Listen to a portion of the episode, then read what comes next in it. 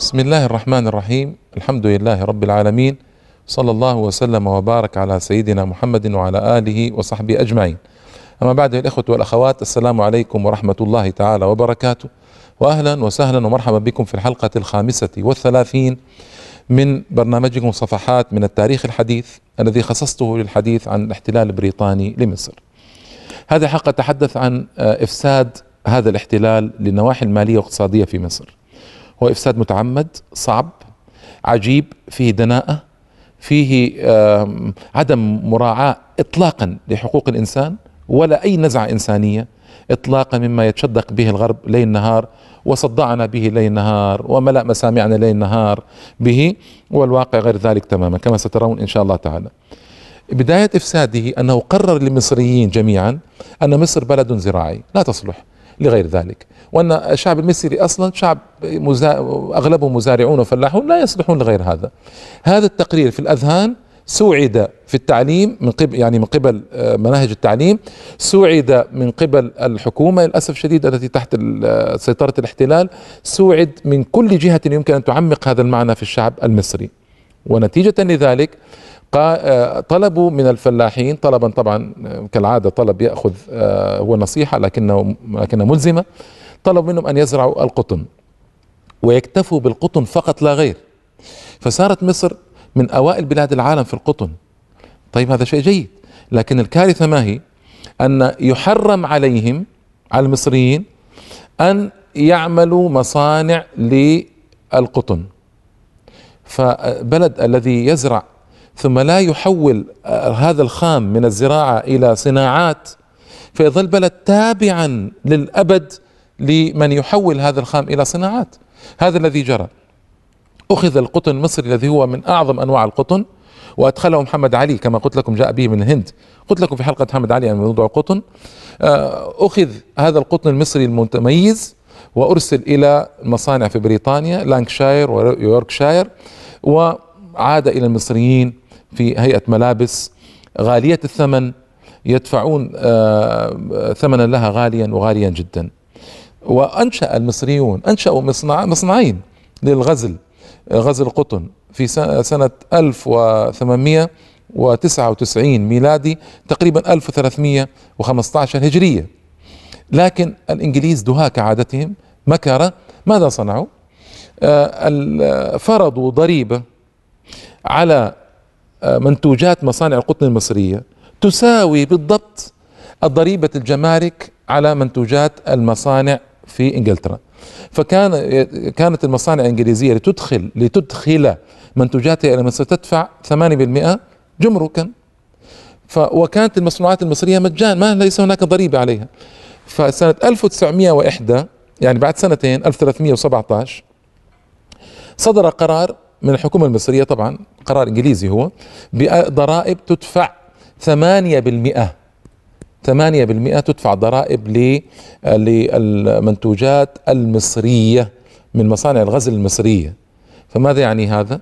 يعني مساواة بالثمن بين المنتوجات البريطانية والمنتوجات المصرية وفي هذا بوار للمنتوجات المصرية إذ عادت الناس أن يفزعوا إلى المنتوجات الأجنبية وبهذا استطاعت الحكومة البريطانية تدريجا الإنجليزية المصرية تحت سيطرة بريطانية تدريجا أن تلغي مصانع القطن بالكامل في مصر.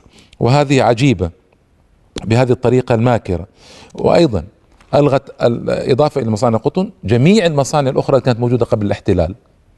وحولتها إلى خردة. تباع خردة تصوروا مصانع أنشاها إسماعيل وصرف فيها الملايين من الجنيهات المصرية. بل أنشأ محمد علي يعني وصرف فيها الملايين. حولت إلى خردة. وبيعت بأبخس الأثمان. أغلقت الترسانة المصرية التي كانت تصنع الذخائر والأسلحة وتصلح السفن. أيضا أغلقت بارت الصناعات في البلاد.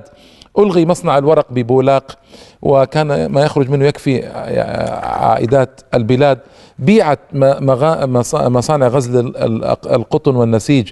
بيعت بأبخس الأثمان وتوقفت بالكامل الصناعات في مصر. تبعا لهذا الإيحاء أن مصر بلد زراعي وليس بلدا صناعيا. أيضا يعني اللورد كرومر آه، قال أن المنسوجات الأوروبية حلت محل المنسوجات الوطنية وبانقراض المنسوجات الوطنية أخذت الصناعة الأهلية تنقرض أيضا وقال في تبجح عجيب أنا ما أدري كيف كان هذا الرجل نسأل الله العافية كيف احتمله المصريون 24 سنة وهو حاكم فوقهم قال من يقارن الحالة الحاضرة بالحالة التي كانت منذ عشر سنوات أو خمس عشرة سنة يجد بونا شاسعا وفرقا مدهشا.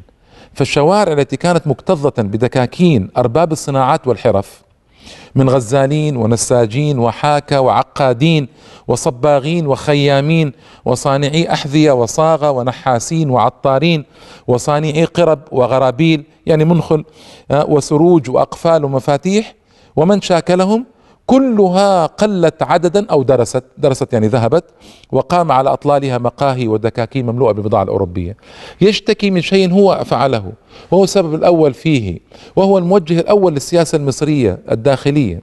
لكن الإنجليز هكذا يكذبون يعرفون أنهم يكذبون ويخدعون يعرفون أنهم يخدعون.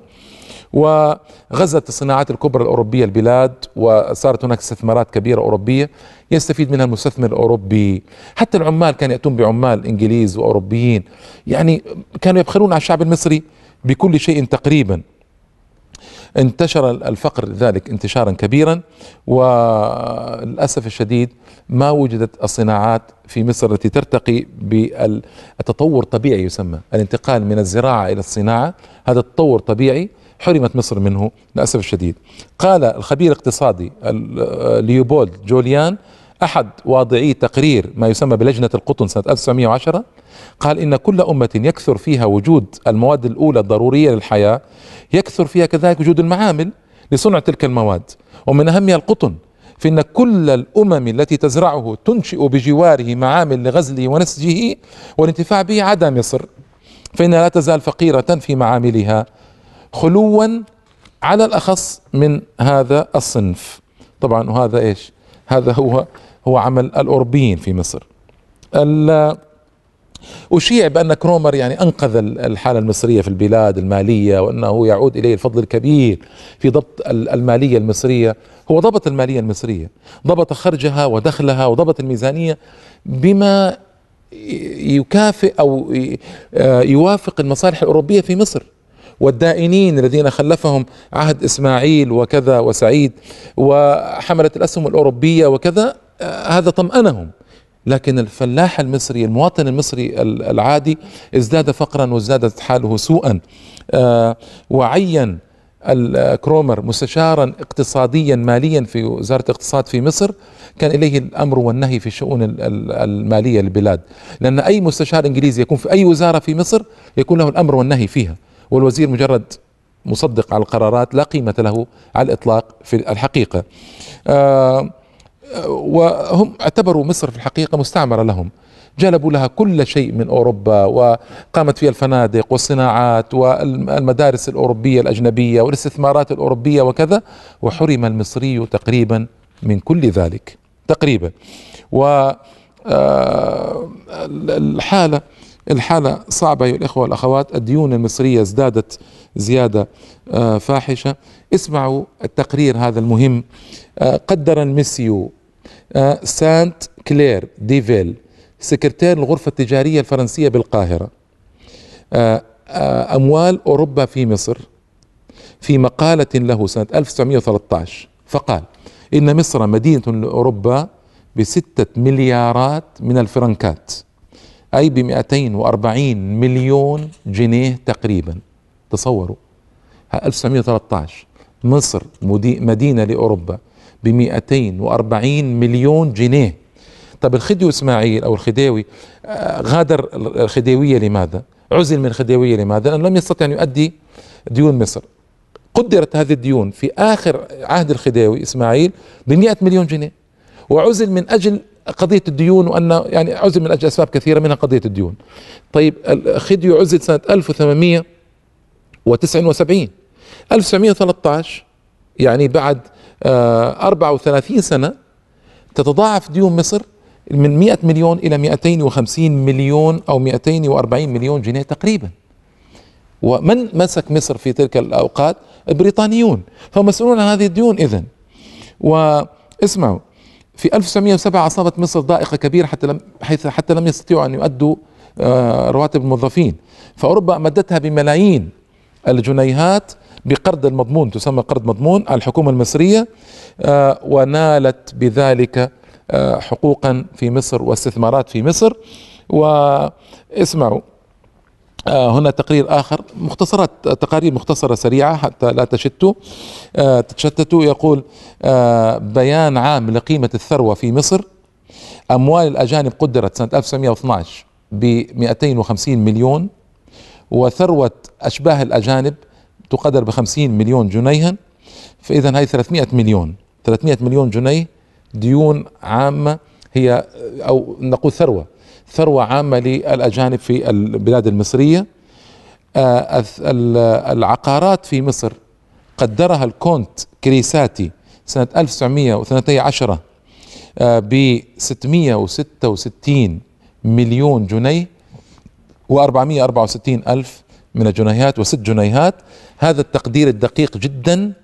نصفه هو ثروة أوروبية في مصر. نصف ثروة مصر العقارية ونستطيع أن نقول نصف ثروة مصر لأن مصر ما كان فيها صناعات آنذاك في تلك السنة ما كان في أي شيء غير العقارات. نصف عقارات مصر نصف مصر لأوروبيين سنة 1913 أي بعد 34 أو 35 سنة من آه، بعد 31 آه، سنة من احتلال البريطاني لمصر. انظروا كيف تدرجت الأمور إلى هذا الشكل المزعج والمزعج جدا. المسيوس لا سان سانت كلير ديفيل هذا سكرتير غرفة تجارية فرنسية في القاهرة كما قلت لكم في رسالته للمؤتمر الوطني المصري الذي انعقد انعقد ببروكسل سنة 1910 قدر أن للأجانب ثلاثة أخماس أراضي مصر إما ملكا أو رهنا. ثلاثة أخماس أراضي مصر. وتغلغلوا تغلغلا كبيرا والديون زادت على الأهالي المساكين الأطيان تسمى الأطيان الأراضي يعني رهنت بعدد كبير جدا من الفدادين رهنت مقابل ديون أو ربا أو أموال لابد من دفعها بصورة أو بأخرى. فانظروا ماذا صنع البريطانيون في مصر. أيضا ثمن المحصول القطن للفلاح الفدان الواحد حوالي 20 جنيها. فدان كامل 4200 متر. محصول القطن قيمته 20 جنيها مصريا لا غير. ففي مصر كان هنالك مليونا فلاح في تلك المدة. كانوا لا يستطيعون لو زرعوا أرضهم كلها قطنا أن يدفعوا إيجار الأرض ويؤدوا الضرائب ويؤدوا فوائد الديون أي الربا ويستبقوا لأنفسهم ما يكفي لهم العيش الكريم. لذلك أغلب الفلاحين المساكين وقعوا في السدانات الربوية وزادت حياتهم سوءا آه، كما سيأتي بعد الفاصل إن شاء الله تعالى فابقوا معنا. السلام عليكم مرة أخرى بعد فاصل الإخوة والأخوات هنالك رجل كلفته بريطانيا بدراسة الحالة الاقتصادية في مصر رجل خبير. فصار سيرا سير يعني سير بعد ذلك. آه، اسمه إدجار فينسنت. مستشار مالي جديد في مصر. خلف آه، كالفن كالفن هذا آه، كان مستشارا ماليا قديما في مصر. تحدث عنه في حلقة الخدي وتوفيق ما أعيد الآن أيام عرابي. فاستقال كالفن جاء محله هذا إدجار فينسنت. قال اسمعوا لقد راعني ما رأيت خلال رحلتي في الصعيد من إملاق الفلاحين أي من فقرهم. إن بؤس الفلاحين في تلك الجهات لا يفوق كل ما رأيت في غير مصر من البلاد. وكانوا يضربون المثل ببؤس الفلاح الروسي. فيقولون إن بؤس الفلاح المصري لا يقارن ببؤس الفلاح الروسي. لأن الفلاح المصري مسكين ليس له نقابة زراعية تضمن حقوقه وليس له أي قانون يضمن حقوقه. إذا وصل إلى الشيخوخة ما عاد يستطيع يفلح أرضه. ليس هناك أي ضمان له اجتماعي ليس هناك له أي أموال تعينه في مرحلة شيخوخته. بؤس شديد جدا. بينما كان الفلاح البريطاني يضمن ويرفه ويعان صحيا وماليا وتعليميا واقتصاديا وكل شيء. يعني طبعا آه، يقول سلطان باشا سلطان باشا أبو هدى شعراوي وهو أحد من تخلى عن الحركة الوطنية العرابية واتجه مع الإنجليز دخل معهم القاهرة وقصته طويلة ذكرت بعضا منها في حلقات ماضية آه، قال إن البلاد لم تبلغ من التعس من التعاسة يعني مبلغها الحاضر فالفلاحون بالنظر لديونهم وهبوط أسعار محصولاتهم قد غدوا في ضنك يستحيل معه أن يجبى أكثر من نصف ضرائب السنة القادمة. يعني قال من الآن السنة القادمة لا نستطيع لا نستطيع لا واقعيا ولا انسانيا أن نأخذ نصف الضرائب من الفلاح المفروضه عليه. فما بالكم بهذه النسبة تريدونها كاملة؟ مستحيل أن نفعل ذلك مع الفلاح. آه، الأمر المهم. يقول أحد آه، اللورد نورث بروك اللورد نورث بروك له آه، في لندن له تقرير قنصلي مهم يصف فيه حال القطر. قال هذه التقارير تصف حال الفلاح يقول في عنده تقارير عن مصر تصف حال الفلاحين بأنهم قوم يعيشون في أكواخ من الطين. إذا خرجوا منها خرجوا هم يكادون يكونون عراة الأجسام إذا تبلغوا بشيء من الزاد فليس بغير خبز الذرة والبصل آه ذلك بأن قيمة حاصلاتهم لا تكاد تكفي لأداء الضرائب. فضلا أن تمسك عليهم حياتهم التعيسة انظروا لماذا ماذا صنع الاحتلال الإنجليزي في مصر. وأيضا آه الرجل يسمى جيبسون وصف أيضا الحالة قال لا جدال في أن هذا كلام سنة 1884 يعني بعد سنتين من احتلال إنجلترا لمصر 1301 هجرية. لا جدال في أن حالة الفلاحين ازدادت سوءا عما كانت عليه منذ عامين. نعم أن إيراد السنة الحاضرة قد جبي بالطريقة المعتادة والدائنون نجحوا في أخذ أموالهم لكن لا ينبغي أن يتخذ هذا دليلا على حسن الحالة في مصر. اسمعوا قال لقد احتيج إلى ضغط شديد في تحصيل الأقساط من الفلاحين. بيعت أراض كثيرة للحصول على الأموال التي تريدها الحكومة ويقتضيها أداء الديون الخاصة. يعني إيش؟ الضغط الشديد. يعني كرباج والضرب الفلاحين وتهديدهم في أعراضهم وأعراض أهلهم والضغط عليهم وبيع أراضيهم وبيع بيوتهم ورهنها في عند المرابين. هذا الذي استفدناه من الاحتلال الإنجليزي لمصر.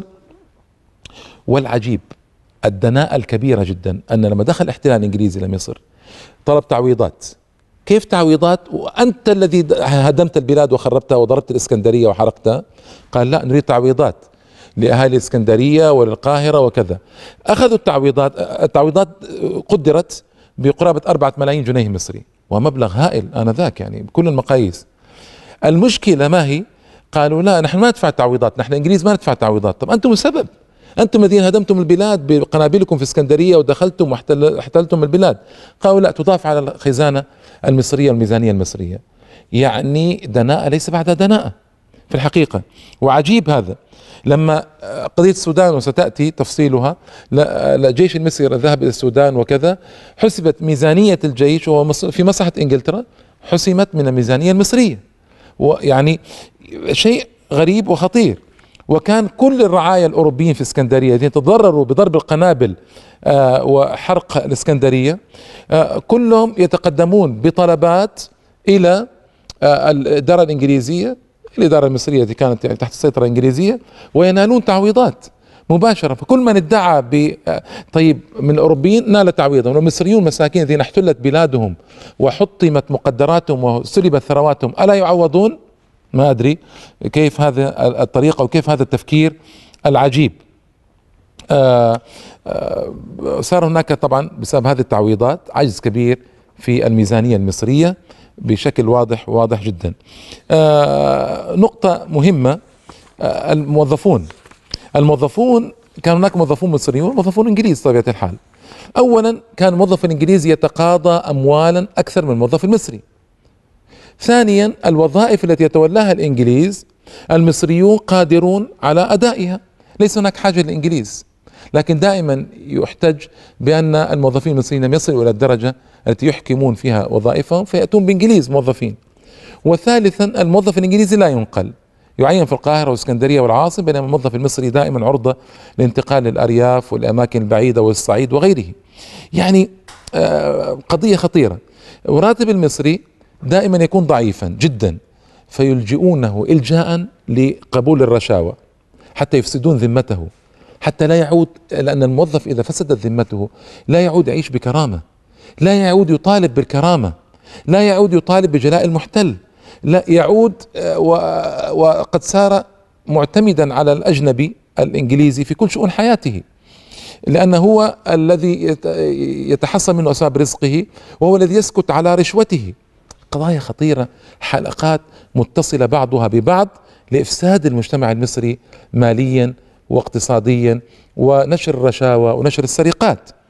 والعجيب أن كرومر صاح في أوروبا وقال لهم أنا ما عد ما عدت قادرا على أن أتصرف ماليا في مصر فأنقذوني. طبعا أوروبا أنقذته وإنجلترا دفعت له وأوروبيون دفعوا له أموالا.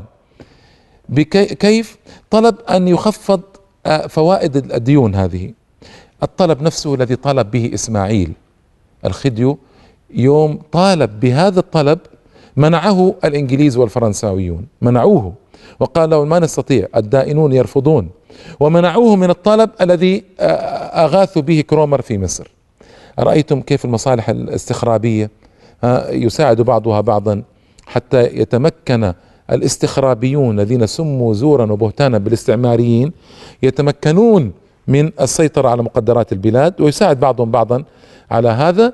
فالطلب الذي طالب به إسماعيل من قبل رفض وطالب به كرومر طلب نفسه فوفق عليه وفق عليه وضخوا أموالا كبيرة في مصر استطاع بها كرومر أن ينقذ الحالة المتردية اقتصاديا في مصر وأن آه، آه، يتمكن من دفع المال للدائنين الأوروبيين وللتعويضات التي جرت بعد الحرب حرب الإنجليزية على مصر. وكلها من خزانة مصرية بالمناسبة. وكل هذه ديون على مصر يعني مصر تتحمل هذه الديون وظلت تتحمل مصر هذه الديون إلى الأربعينات من القرن الفائت الأربعينات الميلادية العشرينات الهجرية من القرن الفائت الهجري. وهذا هو كله بسبب أن الإنجليز يريدون أن يمتصوا خيرات مصر وأن يتبرأوا من التبعات ويلقونها على الميزانية المصرية. خطة ماكرة وماكرة جدا اشتهر بها الإنجليز طويلا في تصرفاتهم وأحوالهم وأعمالهم كلها عرفناهم كذلك يعني هذا القضية. أيضا آه، ابتدع برومر آه، كرومر المعتمد البريطاني في مصر ابتدع قضية وهي أن من يتقدم للإعفاء من الجندية يدفع أربعين جنيها. فإن لم يدفعها آه، هذه هذه الأربعين يتجند. ثم إن لم يكفي المال البدل هذا الذي يؤخذ لإنقاذ الخزينة المصرية يحصل قرعة عامة في المصريين. فمن تأتي عليه القرعة لابد أن يتجند وإلا يدفع مئة جنيه. اسمعوا. أربعون قبل القرعة ومئة بعد القرعة. فبهذه الطريقة إذن استفاد أموالا كبيرة. الفلاحون التي وقعت عليهم قرعة المساكين وقعت عليهم قرعة جائرة وظالمة كيف يدفع المئة جنيه هذه؟ برهن بيته وبرهن مقدراته وببيع ما يملك من حلي امرأته حتى يؤدي المال المطلوب. لبدل القرعة. ظلم وظلم فاشي وكبير يخالف كل النواحي الإنسانية التي حاول آه، كرومر ومن معه من أركان الحكومة الإنجليزية أن يصوروا الحال في مصر. أنها حال رفاهية وحال كذا وأن تقدمت الناحية المالية في مصر. نعم تقدمت لا شك. وضبط الخرج والدخل والميزانية لا شك ضبطت أكثر من ذي قبل لكن لمصلحة الدائنين وحملة الأسهم الأوروبيين ولمصلحة الحكومة الإنجليزية ولتلميع صورتها في العالم وأن حكومة أتت بالرخاء لشعب مصر وللحضارة لشعب مصر وما أتت إلا بالسوء لشعب مصر كما آه، ترون أيها الإخوة والأخوات. أختم بملاحظة قالها آه، ألدث قال إنه لم يرى آه، بلدا غنيا كمصر يزرع القطن ولا يقيم ما يتصل به مباشرة من صناعات. ويقول إلينور برينز إنه مما يزيد الموقف شناعة وقبحا أنهم أي الإنجليز ومعتمدهم كرومر في مصر في الثلاثين سنة الأولى من الاحتلال لم يخفقوا في أن يوجدوا ولو صناعة واحدة فحسب بل قتلوا بالفعل كل ما من شأنه أن يعود بالتقدم الصناعي في البلاد. يعني في الثلاثين سنة الأولى من الاحتلال هذا تقرير أوروبي بالمناسبة ليس تقريرا عربيا ولا إسلاميا. في الثلاثين سنة الأولى من الاحتلال لم تكن الجريمة البريطانية فقط في أنهم لم يقيموا أي صناعة بل الجريمة الأضخم والأكبر أنهم وقفوا حائلا أمام كل ما يمكن أن يقوم من صناعات في المستقبل في مصر. وهذه نقطة خطيرة وخطيرة جدا.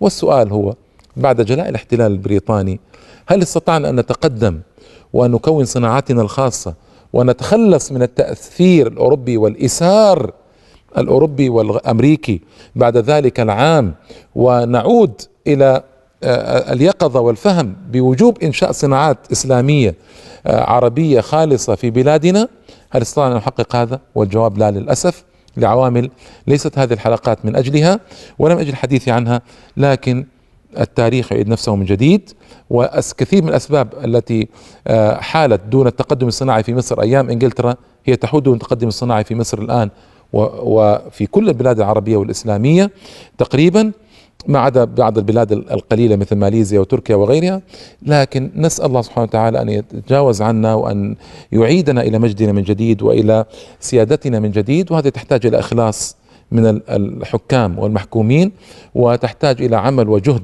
آه، دائبين وإلى آه، بذل وتضحيات. نسأل الله أن ييسرها لنا معاشر المسلمين. هذه الحلقة كانت هذه الحلقة كانت آه، توضح الفساد أو إفساد بريطانيا للنواحي المالية والاقتصادية في مصر. أرجو أن أكون قد وفقت في عرض بعض الجوانب منها. هناك بعض جوانب أخرى كثيرة وتقارير كثيرة الوقت ما يسمح ولا يمكن أصلا أن أخصص أكثر من حلقة لهذا الجانب.